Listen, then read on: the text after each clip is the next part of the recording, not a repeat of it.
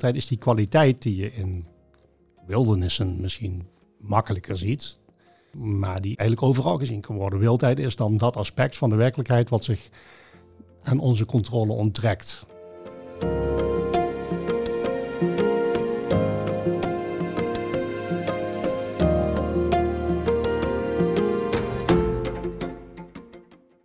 Hey, leuk dat je luistert naar Toekomst voor Natuur, aflevering 6. Ik ben Antoni Stip en in deze aflevering spreek ik met Martin Drenthe over samenleven met de wolf en andere ethische dilemma's die natuur in onze samenleving oproept.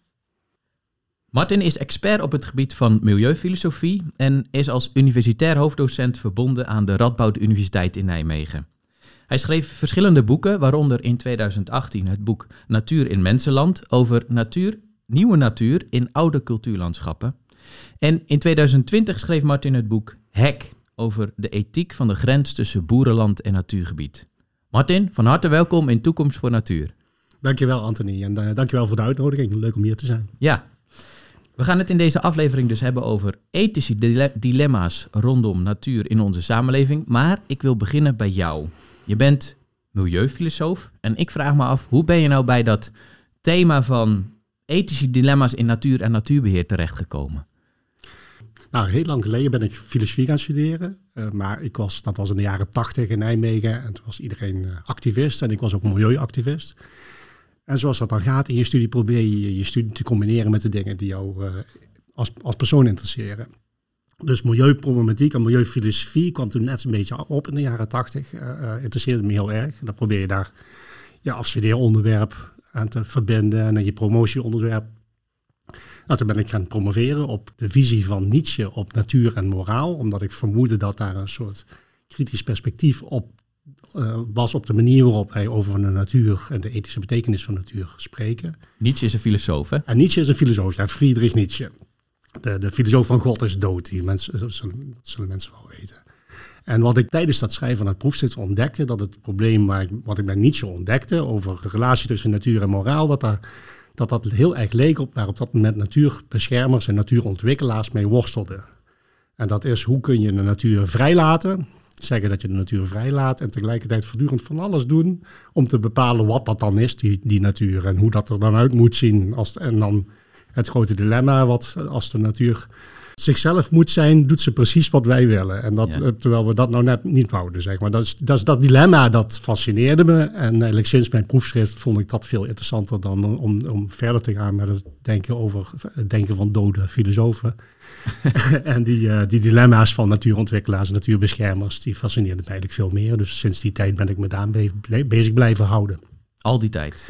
Al die tijd. En dan als je dan geluk hebt dat je een een aanstelling krijgt. Ik, ik werk als, als docent filosofie bij de natuurwetenschappen bij de Radboud Universiteit. Dus ik geef veel colleges aan biologie-studenten en studenten milieukunde en ecologie. Dan heb je het geluk dat je, dat, uh, dat je die interesse kunt blijven volgen en kunt verweven in het onderwijs wat je geeft ook. Ja, en welke rol zie jij voor jezelf weggelegd als, als filosoof in dat debat, zal ik maar zeggen? Wat filosofen doen is nadenken over ons denken nadenken over de manier waarop mensen over, over dingen praten en over dingen denken. En wat, ik, wat mij heel vaak in het natuurdebat opvalt, is dat het heel erg gedomineerd wordt door, uh, door biologen en door mensen die heel veel verstand hebben van hoe natuur werkt. Um, maar die daardoor onder elkaar ook een heleboel dingen onuitgesproken laten. En, en een heleboel vooronderstellingen onuitgesproken laten. En kun je daar een voorbeeld van geven? Um, nou, bijvoorbeeld dat biodiversiteit een vanzelfsprekende waarde is om te beschermen. Of dat uh, de natuur een intrinsieke waarde heeft. Uh, uh, ik, ik, snap wat mensen daarmee proberen te bedoelen, maar in milieufilosofie is dat een heel problematisch begrip. Het is sinds het begin van de milieuethiek in de jaren zeventig kwam dat begrip intrinsieke waarde van de natuur op als een soort tegen, tegenbegrip tegen de manier waarop de mens voortdurend de natuur exploiteerde en de waarde van de natuur probeerde te benadrukken. Maar als je dan probeert precies te krijgen, wat is dat dan precies, die intrinsieke waarde, en waarop berust die en hoe rechtvaardig je die, uh, kom je een heleboel problemen tegen. Bijvoorbeeld uh, is intrinsieke waarde afhankelijk van de toekenning van die waarde door de mens? Of, of, of is natuur ook waardevol als er geen mens in de buurt zou zijn om dat, om dat uit te spreken? Ja. Um, nou, er zijn boeken over, bibliotheken over voorgeschreven in de milieufilosofie. En dan merk ik, als ik uh, met biologie-studenten praat bijvoorbeeld, dat die in het eerste jaar intrinsieke waarde van de natuur te horen hebben gekregen en dat begrip gebruiken alsof daar geen enkel probleem aan vastzit. En, en dat zie ik ook bij de professionele natuurbeschermers. Dus alleen dat is al denk ik een rol voor filosofen om die begrippelijke helderheid te bieden. Dus je, je, je prikkelt, je stelt vragen. Je prikkelt, stelt vragen en probeert soms dingen die onuitgesproken blijven uit, uit, uit te spreken, expliciet te maken. En daarmee ook uh, ter discussie te stellen. Ja. Heb jij ook favoriete natuur? En, en kun je ons ook eens even meenemen hoe dat er dan uitziet en wat we dan zien, horen, ruiken misschien ook wel? Um, nou, gisteravond was ik nog in, in, mijn favoriete natuur. Ik vind de, natuur die dichtbij is en die deel uitmaakt van het dagelijks leven, vind ik eigenlijk de belangrijkste natuur. Omdat ik, uh, dat is ook een beetje het thema waar ik me de laatste jaren mee bezig heb gehouden. Dat, dat, de, dat de veronderstelling zo vaak is dat de natuur een plek is waar je naartoe kan, eh, waar je naartoe kan gaan. En wat je kan aanwijzen, wat als aangewezen is als natuurgebied. Terwijl ik denk van ja, in iedere tuin daar leeft en schuilt van alles en daar vliegt van alles. En in, in, de, in de nacht is in elke straat in Nederland gebeuren dingen die we, die, waar wij mensen geen weet van hebben. En um, dus gisteravond ben ik nog even een, een, half uur voor zonsondergang nog even naar Heumensoort gegaan. Dat is bij mij, bij mij in de buurt, in mijn huis. In Nijmegen? En, in Nijmegen. En nou, daar heb ik nog vijf reetjes gezien, bijvoorbeeld uh, in de verte. Uh, sommige een flinke sprint en dan ja, dan heb je toch het gevoel dat je even contact krijgt met een, met een andere wereld. Eh, ja. die, die, die woonde daar. Ik kom daar alleen maar even langs, een paar, uur, paar keer in de week, een uurtje. En ehm, dat contact met die andere wereld, met die andere bewoners van de aarde, die gewoon hun eigen ding doen, is voor mij een wezenlijk onderdeel van wat natuur is. En volgens mij ook voor heel veel mensen een reden om natuur op te zoeken. Ja, jij noemt het de andere wereld. Uh, waarom? Um, omdat dieren met hun eigen blik kijken. Uh, sommige dieren zien zaken die wij niet kunnen zien, omdat we de, niet, niet uh, nou noem eens wat, sommige vogels of, of, insecten die zien, die zien infrarood of die zien ultraviolet, wat voor ons ontoegankelijk is. Ja. andere dieren ruiken dingen die wij niet kunnen ruiken. Dus hun wereld bestaat uit, uit delen die niet, die niet voor ons bedoeld zijn, als het ware. En, en zeker als je even contact hebt met een dier, als je bijvoorbeeld een ree in de verte ziet staan en het kijkt jou aan en jij kijkt het dier aan, dat kan vaak soms, soms wel 10, 20 seconden duren voordat je dan weer ieder zijn zwees gaat, heb je heel even contact met die andere wereld.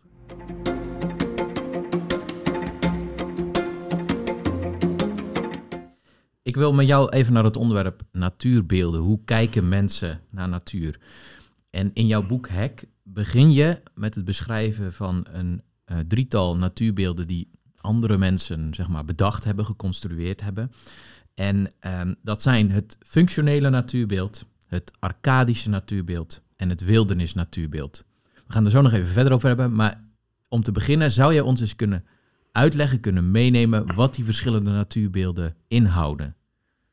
Ja, die natuurbeelden die zijn eigenlijk in, in allerlei overheidsrapporten zijn die herkenbaar. En, en, mijn collega Jozef Keulaerts en, en, uh, Saak Zwart hebben in een paar rapporten hebben die dat geprobeerd expliciet te maken. Uh, um, het functionele natuurbeeld, uh, het functionele natuurbeeld is het beeld van, van het landschap als iets wat er voor ons is. Dus een intensief boerenland is daar een voorbeeld van. Um, arcadisch natuurbeeld is, de, is zeg maar de, de, de natuur, de, de ouderwetse natuur waarin het oude cultuurlandschap allerlei niet-menselijke elementen in zich heeft. Uh, het, ja, nou het, in, het, extensieve boerenland zou je kunnen zeggen. En wildernis is dan de, plek waar die bijna helemaal natuurlijk is, bijna niet door mensen gedomineerd is. En uh, uh, in dat rapport wordt heel nadrukkelijk aangegeven dat in die drie verschillende type landschappen, dat die ook elk hun eigen ethiek hebben. En elk hun eigen esthetische voorkeuren hebben. Dus in het, in, het, in het functionele landschap draait het eigenlijk altijd om het menselijke belang. Die landschappen die moeten zo, zo geregeld worden, zo gemanaged worden, dat daar een optimale opbrengst is. En liefst wel een opbrengst die ook, die ook duurzaam is, in de zin van vol te houden, dat die over vijf jaar nog steeds uh, productief is. Um, en in die echt intensieve landschappen is dat ook bijna de exclusieve ethische overweging die daar speelt. Hoe kunnen we dit zo goed mogelijk gebruiken voor onszelf? In dat uh, arcadische landschap, daar hoort een ander soort ethiek bij. Een ethiek van rentmeesterschap, van mensen die zeggen wij, wij moeten zorg, uh, zorg besteden, zorg hebben voor, voor, uh, voor het landschap, inclusief de zeldzame planten en de zeldzame dieren die hier voorkomen, om dat, om die, dat harmonisch samengaan tussen mens en natuur mogelijk te maken. Maar dat is wel een heel mens-inclusieve ethiek, want het staat niet ter discussie dat de boer, daar kan boeren of de mens daar kan zijn. En dan heb je de wildernis, de, zeg maar de, de, wat sommige mensen echte natuur noemen. De, de, natuur, de, natuur waar de mensen een hele minimale invloed hebben. En de ethiek die daar meestal speelt, is de ethiek van uh, de natuur zoveel mogelijk intact laten en met rust laten. En dat kan ook betekenen de natuur beschermen tegen de mens. Um, niet beschermen voor het toekomstig gebruik van de mens, niet beschermen voor, het, voor de mogelijkheid van de mens om dat op lange duur mee samen te leven, maar te beschermen tegen de invloed van de mens.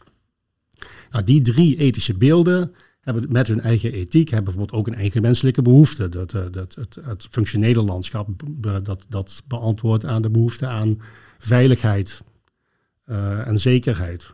Daar komt ons voedsel vandaan en daar moeten we op kunnen rekenen.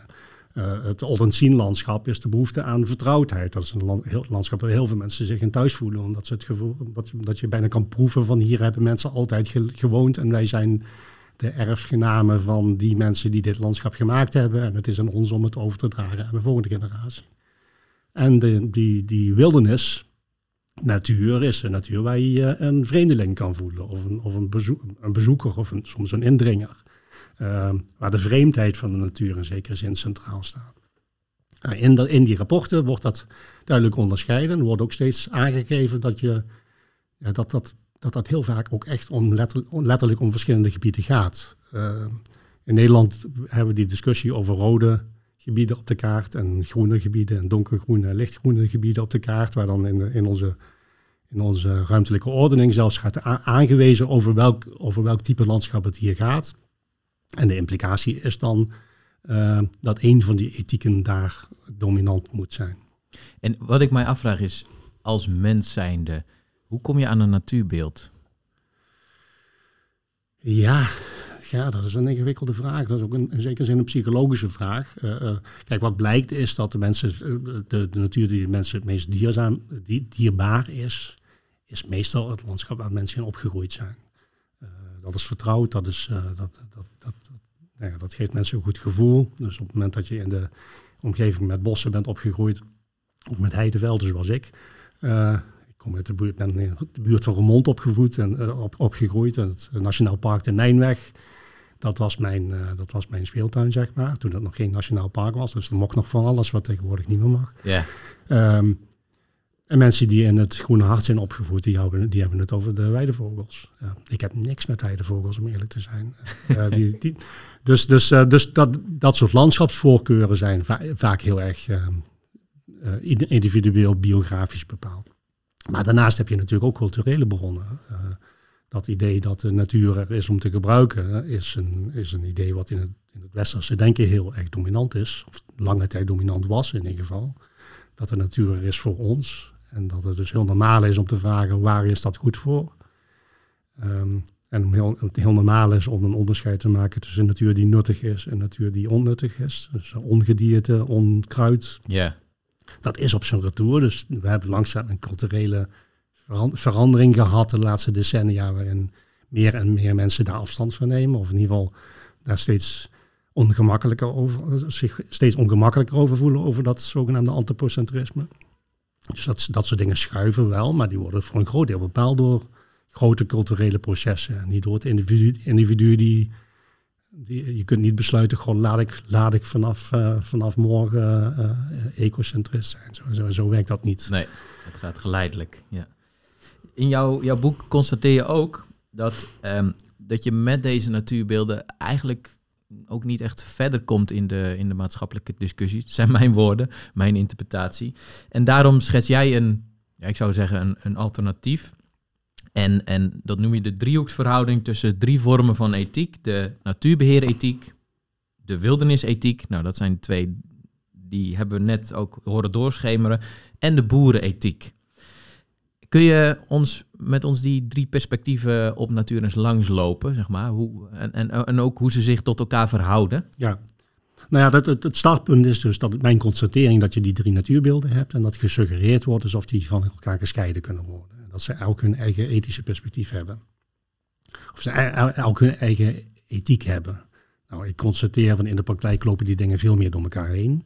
Al is het maar omdat wilde, wilde dieren door boerenland heen lopen en, en, eh, en uh, niet alle dieren in het Arcadische landschap een plek hebben.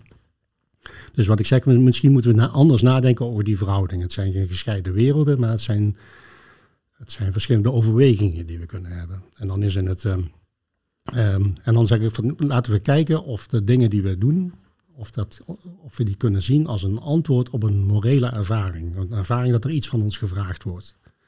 Nou, ik heb in, in, in werk heb ik me bezig gehouden met het debat tussen natuurontwikkelaars of rewilders. Daar had je pas nog een mooie aflevering over. Ja. Uh, en de traditionele natuurbeschermers. Uh, de, de natuurbeheerethiek en de, en de rewilders-ethiek. En ehm, in dat debat kun je zien dat die, die twee groepen die hebben enorm vaak met elkaar in de clinch gelegen. En nu nog. En dat is dan vaak een debat tussen, tussen de, de rewilders die zeggen dat traditionele natuurbescherming een vorm van tuinieren is. Dat heeft niks met natuur te maken, want je legt alles vast. Je, werkt aan een natuurdoeltype. En, uh, en dus de natuur moet voortdurend beantwoorden en onze definitie ervan. En je zou het vrij moeten laten, zeggen rewilders. Um, en daartegenover zeggen de traditionele natuurbeschermers vaak van ja, maar die rewilding van jullie die produceert overal ongeveer dezelfde natuur. De echte zeldzame kwetsbare planten raken daardoor verloren. En het lijkt wel alsof jullie daar onverschillig voor zijn. Ja. Nou, dat, dat debat tussen die twee, die dus vaak als tegenovergesteld worden gezien, blijkt als je, als je met mensen gaat praten, wat ik veel doe, uh, over een diepere gronden, dan zegt die die traditionele natuurbeheerder, die zegt ook van, oh wacht even, maar als het op natuur, als het op tuinieren begint te lijken, dan, uh, dan ben ik verkeerd bezig. Want die wildheid, die moet wel degelijk ergens een plaats, plaats hebben. Het is geen tuin, het moet wel natuur zijn. Het moet geen dierentuin zijn, geen moestuin zijn, maar een maar natuur waar iets spontaans kan gebeuren. Precies dat wat die Rewalders uh, zo benadrukken. Maar omgekeerd, als je die Rewalders confronteert met de angst van wat, wat is dit straks een grote uh, vlakte met, met brandnetels is. Dan zeggen ze ook, ja nee, wacht even, als, als dat het gevolg is van niks doen, dan zijn de begincondities niet goed. Dan moeten we wel degelijk uh, ingrijpen. Iets, iets doen om die begincondities geschikt te maken, zodat we daarna wel kunnen vertrouwen op een goede, op een goede ontwikkeling. Je zou kunnen zeggen, de, de perspectieven vinden elkaar toch veel makkelijker dan exact, dat we van exact. tevoren denken. En wat ik in mijn boek laat zien, is wat je, wat je eigenlijk kunt zien, ze vinden elkaar niet alleen, en ze hebben, ze hebben elkaar in zekere zin nodig. De, de, de, de rewilder is nodig om de, natuur, om de traditionele natuurbeheerder eraan te herinneren dat het geen tuinieren moet zijn. Zeg, om, om, om zeg maar te waarschuwen voor het, voor, de, voor het extreem wat er ergens verborgen zit in dat ideaal van natuurbeheer. En omgekeerd dat de traditionele natuurbescherming de rewilders eraan moet herinneren dat het geen onverschilligheid mag worden. Dat ja. er momenten zijn dat je, dat je wel degelijk zult, zult moeten ingrijpen. Dus die twee die, die houden elkaar als het ware wakker. Nou, wat ik in mijn boek heb geprobeerd. Dus dit gaat dus over het debat tussen het, het Arcadische landschap, het, typische natuurbeheerderslandschap wat je vandaag de dag hebt. Hè, want al die oude extensieve landbouwgebieden, die worden eigenlijk, eigenlijk toch vooral beheerd door boeren die in dienst zijn van natuurmonumenten. En niet meer door de boeren die gewoon moeten leven van de opbrengst van het land. Um, en, uh, en, en de zogenaamde wildernis. De zogenaamde wildernis, want in Nederland is er geen ene plek helemaal on, on, onveranderd door de mens. Um, wat ik nou geprobeerd heb in mijn boek is om, om dat derde landschap, dat functionele landschap, om te kijken, kunnen we dat niet ook een stem geven? Of moeten we die ook erkennen dat in dat functionele landschap, hè, waar boeren voedsel verbouwen, um, kunnen we dat niet in dat gesprek betrekken? Nou, milieufilosofen hebben eigenlijk altijd gezegd, of zijn heel erg geneigd om te zeggen, ja nee, dat de landbouw, zeker intensieve landbouw, is fout. Want uh, dat gaat alleen maar, dat is antropocentrisch, dat gaat alleen maar over de mens die zijn eigen belangen najaagt en geen oog heeft voor de natuur zelf. Uh, dus dat moeten we, daar moeten we vanaf. En, um, en hoewel ik wel sympathie heb voor dat standpunt, denk ik, moeten we ook erkennen dat de mensen voedsel ergens vandaan zou moeten halen. En dat er dus, ja. het kan niet zo zijn dat het per definitie illegitiem is als wij ergens voedsel verbouwen en ergens onze eigen behoeften proberen te vervullen. vervolgens zag ik ook in sommige debatten dat boeren hele interessante dingen zeggen. Bijvoorbeeld in het debat over uh, of de Oostvaardersplassen mocht, mochten worden aangelegd of niet. Waren er boeren die zeiden dit is zonde van de vruchtbare grond. Zonde om daar natuur van te maken. En dat is heel makkelijk om daar schamper over te doen, want zie je wel, dat zijn mensen die waarderen de natuur niet. Maar je kunt ook zien als een, als een poging een morele ervaring te verwoorden. Namelijk, er is grond die zo bij uitstek geschikt is om daar voedsel voor te verbouwen, dat het in zekere zin ondankbaar zou zijn om daar geen gebruik van te maken. Om dat niet te zien, om daar te laconiek aan voorbij te gaan. Ja. Want ergens zal ons voedsel vandaan moeten komen. En er zijn dus plekken bij uitstek geschikt om dat te doen. Nou, dat zou je ook als een morele ervaring van de natuur kunnen zien. Dus de, de natuur vraagt dus niet alleen maar om zorg als het kwetsbaar is. Ze vraagt niet alleen maar om terughoudendheid als ze soeverein is, zoals in die natuurbeheer, beheerethiek en wildernisethiek. Maar ze vraagt ook om erkentelijkheid en om het bewerken van de aarde als ze zich in haar vruchtbaarheid toont. Ja. Maar het, op dezelfde manier als dat die, die eerste twee elkaar nodig hebben en corrigeren, zou je dat hier ook kunnen zeggen. Die, die boerenethiek, ja, die erkent dat het legitiem is om voedsel te verbouwen en dat we erkentelijk moeten zijn als de natuur ons de gelegenheid biedt om, ergens, om, om dat ergens te doen. Maar de natuurbeheerethiek die zal zeggen van ja, maar dat moet je wel doen met oog voor wat hier nog meer leeft. Uh, uh, waar je de aarde mee deelt. Nou, dat, in zekere zin zijn we dat al aan het doen in de natuur-inclusieve landbouw. Daar vindt traditioneel natuurbeheer en, en, en agrarische activiteit, die vinden elkaar al een beetje. Bij die hebben een andere grens te stellen. Die zeggen namelijk, jij bent niet de enige die een claim legt op het land. Andere soorten ook. En er zijn soorten die wiens claim maakt dat jij daar niet uh, kan zijn. Of dat jij daar vanaf moet blijven. Dus het kan niet zo zijn dat we overal natuurinclusieve landbouw doen. Er zullen plekken zijn waar we gewoon weg moeten blijven. Of ja. in ieder geval zo terughoudend moeten zijn dat we die dingen een plek kunnen geven die niet per se in onze kraam te pas komen. Dus dan, dan, dan krijg je dus een driehoeksverhouding. Dan zeg je deze, er zijn drie momenten, er zijn drie manieren waarop die natuur een beroep op ons doet. En de kunst is dan om op elk, op elk uh, concreet moment iedere keer weer het, juiste midden tussen die drie tegenstrijdige eisen te kunnen vinden. Ja.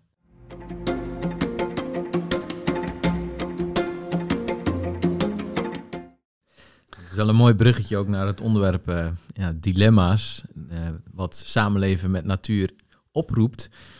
Ik zou eigenlijk willen beginnen met het dilemma van de wolf. Want ja, de wolf is in Nederland gekomen. Het is een toppredator. Maar ja, Nederland en trouwens ook België en, andere delen van uh, Duitsland, Frankrijk zijn redelijk dicht bevolkt.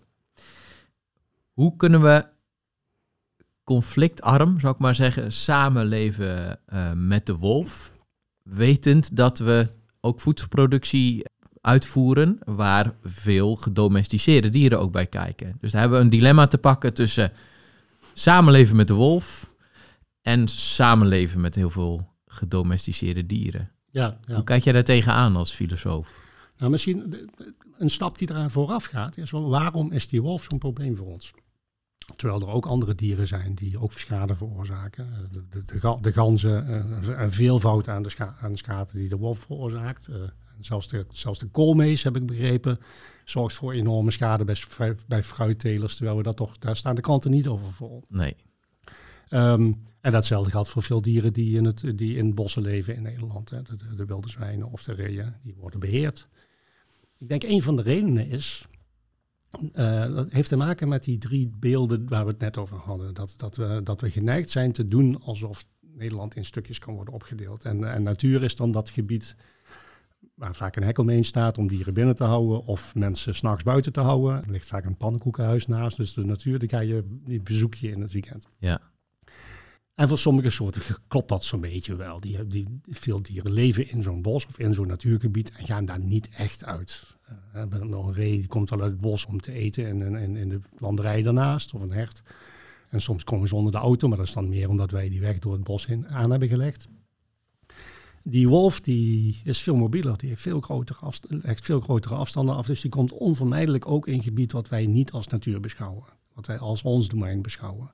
En daarmee laat die wolf eigenlijk zien, en dat geldt ook voor de, de, de geschiedenis van de wolf. De, de wolf boeit dat onderscheid niet tussen natuur en cultuur, wat, wat voor sommigen van ons zo belangrijk is in ons hoofd.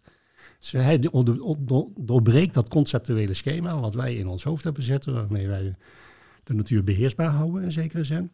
En laat dus zien dat dat veel fragieler is dan we dachten, dat, dat onderscheid. Dus dat is volgens mij een van de redenen waarom dat die wolf zo'n onrust, zo'n onrustig stichter is. Uh, niet alleen maar vanwege de schade, maar juist ook vanwege dit aspect. Um, nou, dat brengt me dan op jouw vraag van hoe moet je dan omgaan met die wolf? Nou, om te beginnen dus erkennen dat we in hetzelfde landschap leven. Dat het, er zijn mensen die zeggen, we moeten wolfvrije zones hebben. Nou, ik geef je op een papiertje, dat gaat niet lukken. Die wolf die is ten eerste heel mobiel. Hij is ten, ten tweede uiterst slim. Dus allerlei dingen die je kunt verzinnen om die wolf buiten te houden, die gaan vroeg of laat gewoon falen. Dus we moeten erkennen, die wolf die loopt, die loopt in hetzelfde landschap als wij.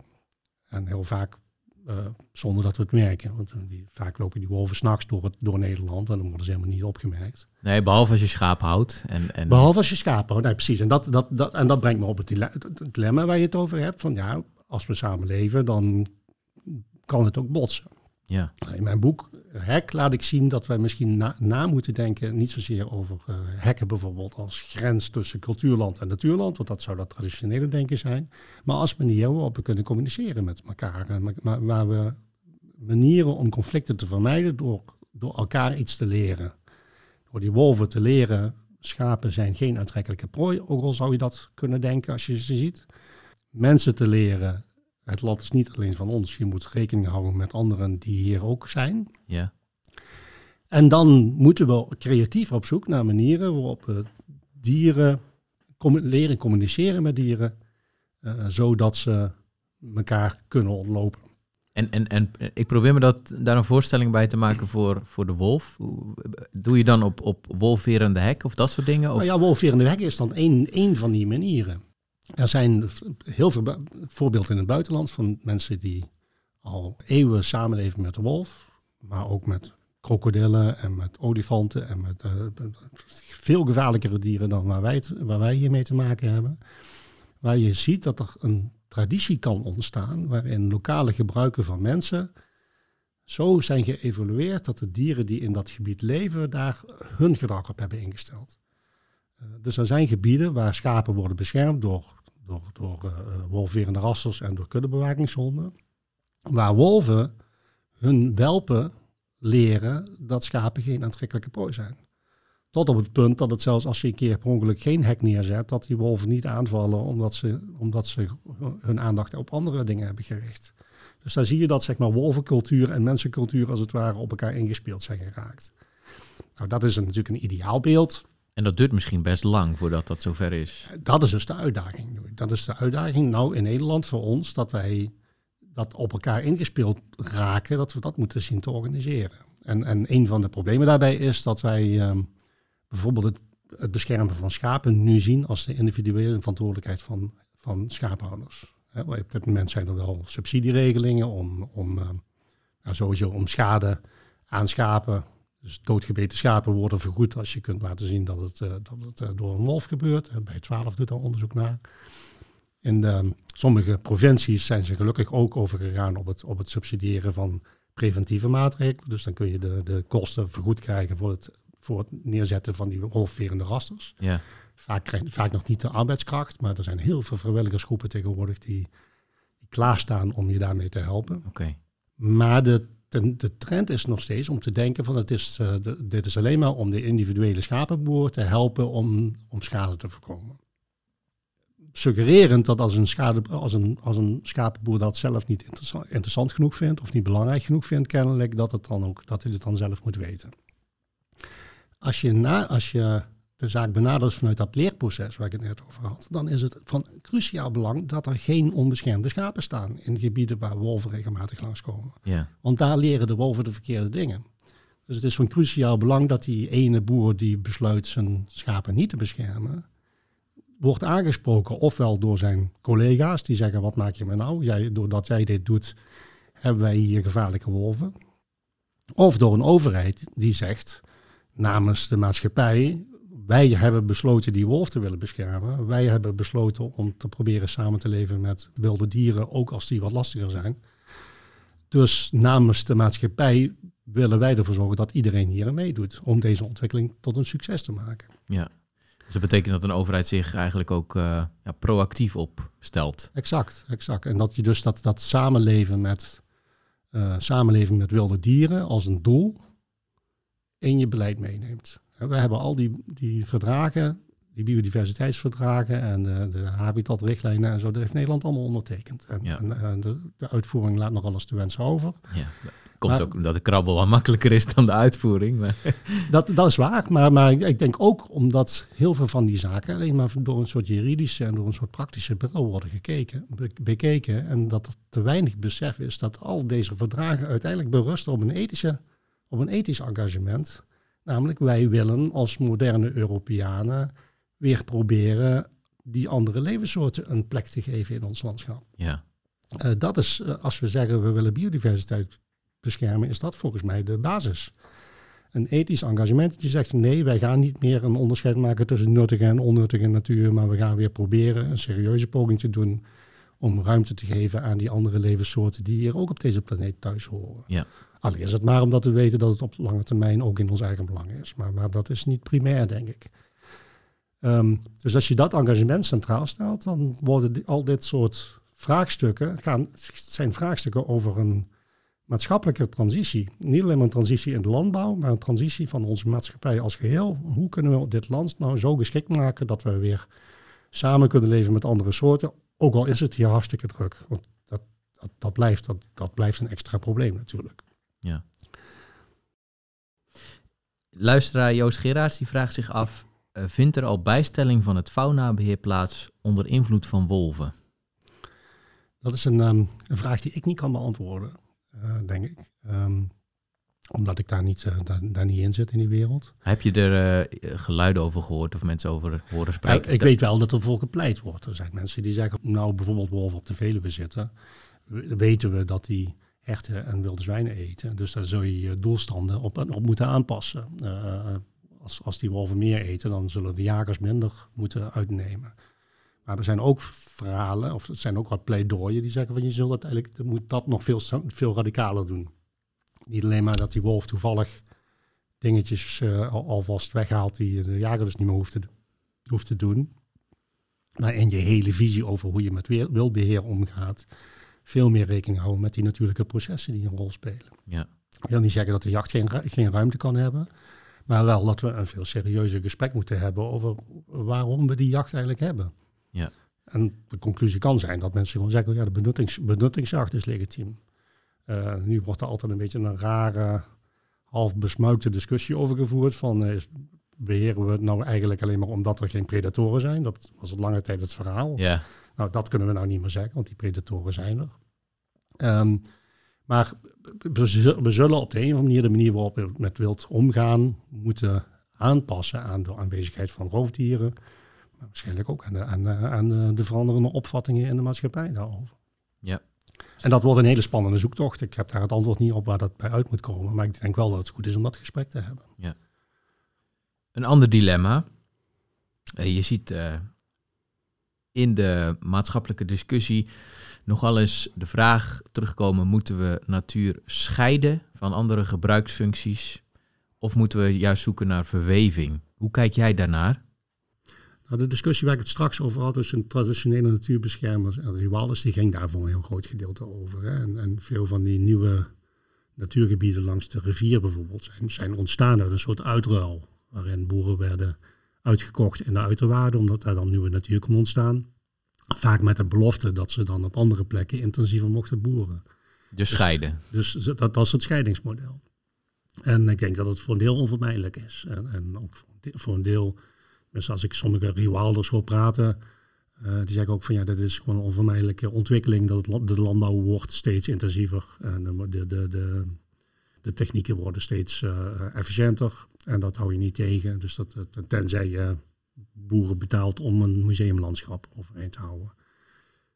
De kritiek daarop was altijd, en daar ben ik wel gevoelig voor, dat je zegt van ja, het uiteindelijke beeld wat eruit voortkomt, is dus een wereld waarin dan de helft of meer dan de helft bestaat uit een exploitatiegewest of een gewingewest voor de mens, waarin dan alle andere dingen eigenlijk ongeschikt zijn, ondergeschikt zijn. En dan zijn die natuurgebieden zijn de plekken waar je, waar je naartoe kan om, uh, om voor ontzachte wilde natuur te ont, ontwaren.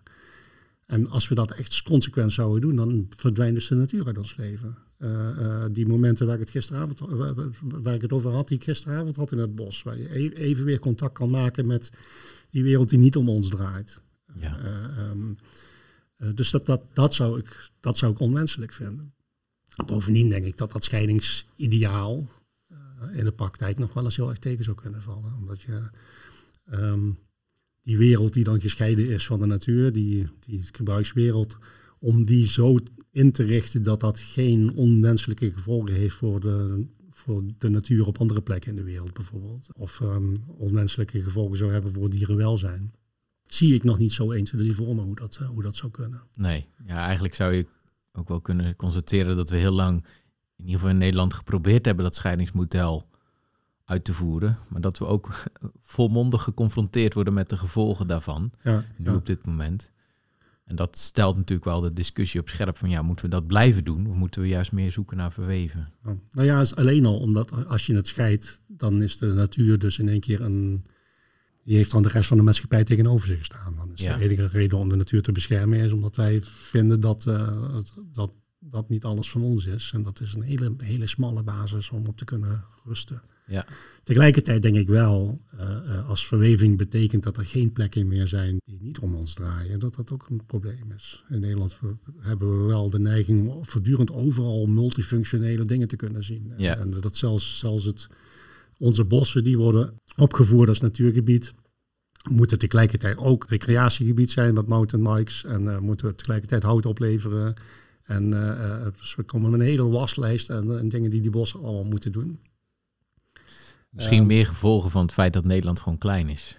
Dat kan niet altijd. Misschien is dat ook wel een, een, eh, een nuttige constatering. Dat niet, ja, er zijn eerder uh, anderen die dat ook voor ons geconstateerd hebben. Niet alles kan overal. Volgens mij heet een beroemd rapport ook zo. Ja, ja, ja. In de stikstofdiscussie.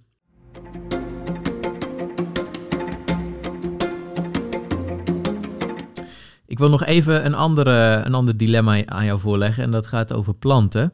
Het is ook uh, in deze tijd erg populair als mensen om iets voor natuur te doen. En dan wordt er al heel snel gedacht, weet je, natuur helpen, ga iets inzaaien. dus dan krijg je een zakje met plantenzaden van een organisatie. Of je kunt ze kopen bij allerlei bedrijven. En de intentie van mensen, als ze dat doen, is dat ze daar natuur maken of natuur helpen als mens. En ik vraag me dan af, uh, ben benieuwd naar jouw perspectief of jouw reactie daarop. Kun je dan zeggen dat het resultaat van die actie ook natuur is, wilde natuur? Uh, of is dat niet het geval? Uh, en, en als dat niet het geval is, is dat dan erg? Hoe kijk je daar tegenaan? Ja, ja, dat is een hele grote vraag. En ook een vraag die ook in de milieufilosofie uit te treuren is bediscussieerd. Dat is een beroemde Australische filosoof, uh, Robert Elliott. Die schreef een, heeft een artikel geschreven naar een boek. Dat heette Faking Nature. En dat ging over, wordt vaak gezien als een kritiek op, op, op het idee van ecologische restauratie. Maar waar hij zich specifiek op richtte was het idee dat je natuur kunt vernietigen omdat je elders zo'nzelfde natuur weer kunt aanleggen en dat diezelfde natuur, als die maar goed genoeg is nagemaakt, net zoveel waard zou zijn. dat idee bekritiseert hij omdat hij erop wijst dat natuur niet alleen maar bestaat uit, die, uit aanwijsbare dingen die we waarderen, maar dat die waarde van de natuur ook afhangt van het verhaal waarmee dat tot stand is gekomen. Dat wij op sommige plekken een zeldzaam uh, soortje hebben, omdat die soort daar in een eigenaardige loop van de geschiedenis en een lange evolutionaire en historische ontwikkeling op die plek terecht is gekomen. En alleen maar op die plek en nergens anders. Dus die historische continuïteit heeft heeft een speciale betekenis. En ik denk dat dat, uh, Robert Elliot heeft het daar vervolgens niet zoveel over, maar uh, ik, heb dat in mijn voorbije uh, werk wel gedaan, samen met Glenda Liège, die postdoc is geweest bij mijn, in, in dat project waar ik over werkte. Dat ging dan over die historische continuïteit en de waarde daarvan. En ja, wat je daar ziet is dat, dat het echt toe doet op welke manier iets ergens tot stand is gekomen, maar ook dat het betekenisvol is dat iets een, een relict is van een, van een lange geschiedenis. Ja. Dus op het moment dat jij in een natuurlijk Op een gegeven moment zegt Franklin de Liège heeft daar een, een, mooi artikel over geschreven. Hij is een natuurbeheerder in een, in een heidegebiedje. Waar op een gegeven moment werd ontdekt door vrijwilligers dat daar, de, ik geloof de tormentiel heette dat plantje. Ik zelf geen plantendeskundige, maar dat was een, een van de plantjes die, op de, die, in de doellijsten stonden van we hopen dat dit terugkomt door onze ingrepen. En toen ontdekte een vrijwilliger van, hé, hey, het staat hier, geweldig. En kort daarna ontdekten ze van, hé, hey, wacht even, dat heeft hier iemand neergepoot. Oh. En dan kun je zeggen van, nou ja, dat, maakt dat niet uit. Het doel, doel is toch hetzelfde. Maar, eh, maar op, op datzelfde moment verandert dat natuurgebied dus in één keer in een, in een soort fake ding. Uh, Iemand heeft daar gewoon besloten van, ik ga dat hier neerzetten, waarom zouden we wachten? Uh, een soort ongeduld, want we weten toch waar het naartoe moet. Terwijl de zaadbank de kans geven om iets terug te laten brengen, dat is zeg maar de natuur zelf aan het woord te laten. Ja. Uh, en te hopen dat hij doet wat je, je hoopt dat er gebeurt. Maar dat, dat niet allemaal zelf willen besturen. Het, het, het, verandert van, contract, van karakter als je dat doet. En dat zie je ook. Er zijn, eh, ook in de buurt van Nijmegen hebben we het Koningsven. Dat was een blauwgrasland tot begin 20e eeuw. Is daarna ontgonnen. Is nou pas weer aangekocht. Om weer opnieuw uh, natte nat gebied te maken. En daar hebben ze strooisel uitgestrooid uh, van het nabijgelegen natuurgebiedje De Bruk, ook een ja. heel beroemd blauwgrasland. Uh, in de hoop dat om die ontwikkeling te versnellen, dat dat, dat, dat daar weer kon zijn. Nou, dat, daar zit vijf kilometer tussen of zo. Dus je zou kunnen zeggen, nou dat is lokaal, dat is lokaal zaaigoed.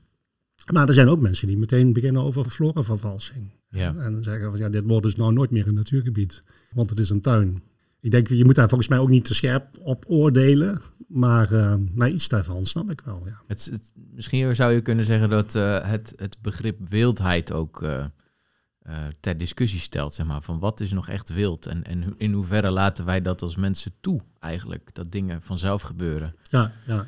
ja die term wildheid is wel een lastig begrip. Hoor. Die heeft, heeft net zo goed als wildernis een moeilijk begrip is. En dan wildernis als, als een woord voor die wereld die nooit door, ons, door mensen veranderd is.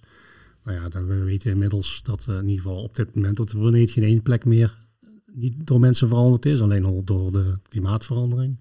Maar ook omdat de traditionele wildernissen, die we altijd, waar we altijd aan dachten, de, de Amazone regenwoud of de Serengeti, dat meer en meer uit historisch onderzoek blijkt dat daar in, enorme menselijke invloed waren, was. In de, in de Amazone regenwoud lagen steden van tienduizenden mensen, net voordat de Europeanen daar binnenkwamen. Maar ook dat idee dat wildernis, de, ultieme natuur, alleen maar bestaat bij gratie van de afwezigheid van de mens, is een, is een lastig, lastig idee. Dus ik pleit dan vaak voor het begrip wildheid als een soort alternatief daarvoor. Dan zeg je, nee, wildheid is die kwaliteit die je in wildernissen misschien makkelijker ziet, maar die eigenlijk overal gezien kan worden. Wildheid is dan dat aspect van de werkelijkheid wat zich aan onze controle onttrekt of, of zich niet controleren laat. Ik wil nog even met jou stilstaan bij het onderwerp hack, of hacken misschien wel. En dan vooral even stilstaan bij de vraag, er staan heel veel figuurlijke hekken tussen natuurorganisaties. Dat wil zeggen, we hebben in ons land, en dat geldt ook voor, uh, voor, voor België, talloze verschillende natuurorganisaties. En soms denk ik wel eens, het lijkt ook wel alsof, we, eh, alsof die organisaties soms elkaar een beetje in de weg zitten. Hè? Misschien ook wel door die figuurlijke hekken. Um, hoe kijk jij daar als, uh, als filosoof naar? Zitten die figuurlijke hekken de toekomst van onze natuurbescherming in de weg of zijn ze ook behulpzaam? Um, ik denk dat ze vooral in de weg zitten. Um, dat is me al vaker opgevallen. Je hebt eigenlijk twee dingen. Ik, ik ben toch een relatief buitenstaander in de natuurbeschermingsbeweging. Uh, uh, al loop ik er alweer een tijdje rond. Uh, maar dat, ik koester dat buitenstaanderschap ook wel, moet ik eerlijk zeggen. Kan me voorstellen. Um, het is twee dingen. Aan de ene kant zie je dat, dat de natuurbescherming in Nederland enorm geprofessionaliseerd is.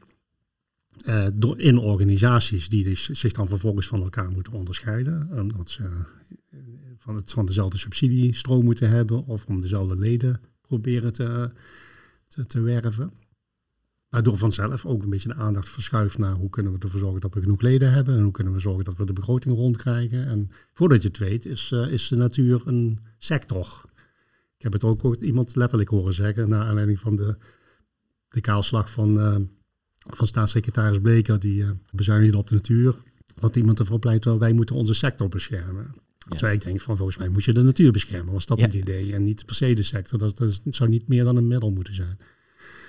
Iets anders wat ik zie gebeuren is dat ik zie dat veel natuurorganisaties zich een overheidstaak hebben laten opdringen. Dus veel monitoringwerk, maar bijvoorbeeld ook zoiets als een wolvenmeldpunt, is een, uh, is een overheidstaak. Daar heeft de Nederlandse overzicht, overheid zich aan gecommitteerd door allerlei verdragen te tekenen. En dan is het heel leuk dat je van dit soort terreinbeherende organisaties of gegevensbeherende organisaties, zoals de Vlinderstichting, uh, kunt inhuren om dat werk voor je te doen. Maar daarmee loop je ook het risico dat die organisaties woordvoerder worden van een sector die, uh, die natuurbeleid uitvoert. In plaats van wat ze ook zouden moeten zijn in mijn, in, in, mijn optiek, een waakhond die namens natuurbezorgde Nederlanders de overheid aan zijn, aan zijn beloftes houdt en ervoor pleit om die ambities misschien op te schroeven.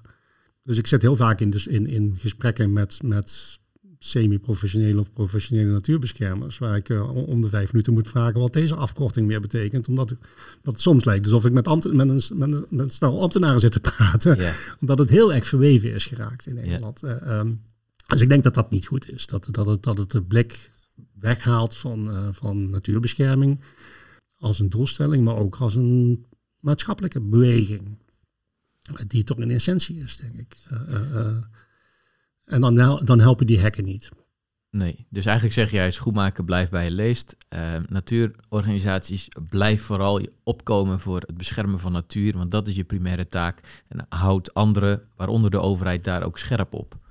Ja, dat en misschien wel niet alleen maar beschermde natuur, maar zie je ook als woordvoerder van die brede maatschappelijke stroming van mensen die dit belangrijk vinden. Ja. Uh, want het is wel zo dat we die, die organisaties die, uh, die dus ik ben ook lid van veel van dat soort organisaties en ik maak daar keurig mijn, mijn, mijn, mijn abonneegeld over. Juist om andere mensen in staat te stellen dat te doen waar ik geen tijd voor heb. Ja, helder. Ten slotte, ik vraag al mijn gasten in de podcast Toekomst voor Natuur of je een leestip hebt voor de luisteraars. En die vraag heb ik ook aan jou gesteld. Heb jij een leestip? Ja, ik zou er meerdere hebben, maar ik heb hier uh, één boek voor me wat ik, een, uh, wat ik wel echt een mooi leestip vind. Een boek van uh, Amerikaanse journaliste Emma Maris. Het boek heet Wild Souls. Het is helaas nog niet in het Nederlands vertaald. Ik hoop dat dat nog komt. En dat gaat over onze omgang met wilde dieren in een planeet die meer en meer en meer door mensen is bepaald en beïnvloed. En wat zij wat zij bespreken is eigenlijk de, de, de dilemma's die je hebt, die, die erop op, opkomen moeten wij de ijsberen gaan voeren op het moment dat ze straks niet meer voldoende ijskotsen hebben om bij de zeehonden te kunnen komen. Oh ja.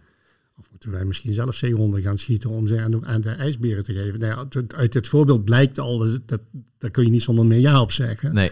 Dit soort dilemma's werkt zij heel mooi uit in het boek. En ze laat ons gevoelig voor dat, de rol van wilde dieren in, in wat dan het antropoceen heet. De wereld die door een grote mate door mensen bepaald is. Ja. Um, zonder dat dat betekent dat zoiets als wildheid, waar we het net over hadden, irrelevant is geworden. Zij pleit op een gegeven moment ook over dat we misschien onze omgang met wilde dieren niet zozeer moeten inzetten op genetische zuiverheid of iets dergelijks, maar wel het, het ethisch besef hebben dat we die dieren de kans moeten geven hun, hun eigen leven te leiden. Ja. Zonder dat wij daar voortdurend uh, allerlei randvoorwaarden aan stellen en of dat wij bepalen waar ze heen moeten en hoe ze zich moeten gedragen. Wild Souls van Emma Maris. We zullen ook de, ik zal ook de linkjes in de beschrijving van deze aflevering zetten. En dan de laatste vraag aan jou, Martin. Hoe kijk jij naar de toekomst voor natuur in onze lage landen? Ja, ik heb het er straks eigenlijk al over gehad dat ik denk dat we, dat we het moeten denken in termen, in termen van een transitieproces. Dat uh, de, de uitdaging is hoe kunnen we onze maatschappij zodanig uitbouwen en ontwikkelen dat we daar weer meer ruimte geven voor uh, wilde dieren. En wilde planten uiteraard ook. Dus hoe kunnen we onze maatschappij weer natuurinclusiever maken? En dat heeft gevolgen voor wildbeheer, maar het heeft ook gevolgen voor de manier waarop we onze infrastructuur aanleggen, waarop we onze huizen bouwen. Ik denk er is een soort impliciet, er is een enorm draagvlak voor, denk ik. Als je doorvraagt bij mensen, vind, vinden de meeste mensen dat we dat moeten proberen. Om de natuur meer een plek te geven. Maar te weinig is nog het besef, denk ik, dat dat Dat je dat, als je dat centraal zou stellen, zoals we dat ook nou met, met klimaatverandering uh, zeggen, we moeten een maatschappelijke transitie naar een klimaatresistente maatschappij. Zo zou ik een natuur-inclusieve maatschappij als, als, centraal, als centraal agendapunt willen hebben in onze politieke debatten en onze debatten over, uh, over uh, bestuurscultuur en over infrastructuur en dergelijke. Um, en dan is Nederland een heel interessant, interessant gebied, voor, ook voor de rest van de wereld. Juist omdat het hier zo vol is en zo, zo, zo, zo druk bewoond, zijn we hier bij uitstek in staat om, om te experimenteren met wat, er, wat de grenzen daarvan zijn. Ja. Op het moment dat je grote uitgestrekte vlaktes hebt waarbij er niemand woont, dan, dan, dan, is het wel duidelijk hoe die oplossing eruit moet zien. Maar, maar hier in Nederland is het, uh, is het spannender. Dat is ook waarom dat die Wolf mij zo interesseert. Ja. Omdat hij ons uh, dwingt dit soort vragen concreet te stellen. Ja, ja. Nou, dat is eigenlijk al een mooi bruggetje naar de volgende aflevering. Want in de volgende aflevering hebben we het over natuurinclusieve bouw. En spreek ik daarover met Onno Dwars, CEO van Ballast Nedam Development. En dan gaan we het juist over ja, die transitie hebben en ook ja, welke rol bedrijven daarin kunnen spelen. Martin, ik wil je heel hartelijk bedanken voor dit gesprek. Dankjewel Anthony, dank voor de uitnodiging, was leuk. Graag gedaan.